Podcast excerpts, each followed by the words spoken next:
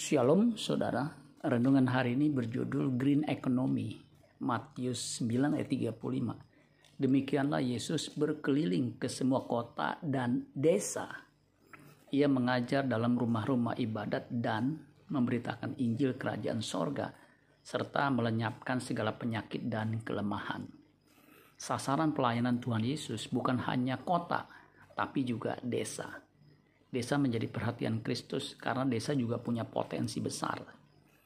Di desa lebih banyak pohon dan penduduknya, tidak sepadat kota. Alamnya jauh lebih asri dan segar, tetapi ada saja orang menganggap rendah orang desa karena merasa kota adalah masa depan, sedangkan desa tidak ada masa depan. Saat ini di mana dunia metaverse sedang bergerak ke depan, kita harus menjaga universe di mana ada oksigen yang sangat dibutuhkan manusia.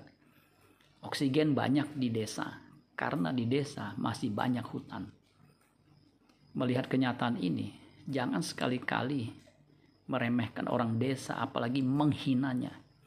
Justru saat ini dunia sedang fokus kepada green economy.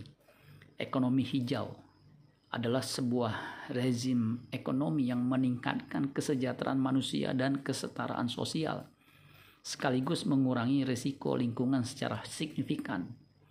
Ekonomi hijau juga berarti perekonomian yang rendah atau tidak menghasilkan emisi karbon dioksida dan polusi lingkungan, hemat sumber daya alam dan berkeadilan sosial.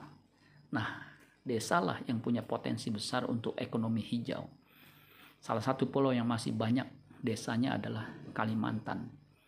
Di, Kalimantan ada sungai besar, Kayan, yang bisa menjadi sumber listrik dan pemerintah telah mengembangkan proyek pembangkit listrik tenaga air sejak tahun 2011. PLTA Kayan Karkes yang berpotensi menghasilkan daya listrik sebesar 9.000 megawatt.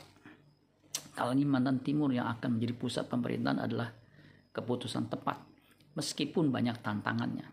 Di pulau itu banyak SDA, sumber daya alam, yang jika dikelola dengan baik akan memberikan kesejahteraan bagi banyak orang. Marilah kita membuka mata hati dan pikiran kita seperti Kristus. Jangan egois dan city sentris. Merasa bahwa hanya kota yang punya masa depan. Desa juga punya masa depan gemilang. Pada akhirnya masa depan kita yang sesungguhnya adalah di langit baru dan bumi baru. Di mana tidak ada pertikaian. Air mata, duka cita karena Tuhanlah yang menjadi matahari, pusat kehidupan kita. Jadikan Tuhan pusat kehidupan kita sejak di bumi ini, bukan yang lain. Amin buat firman Tuhan. Tuhan Yesus memberkati. Sola Gracia.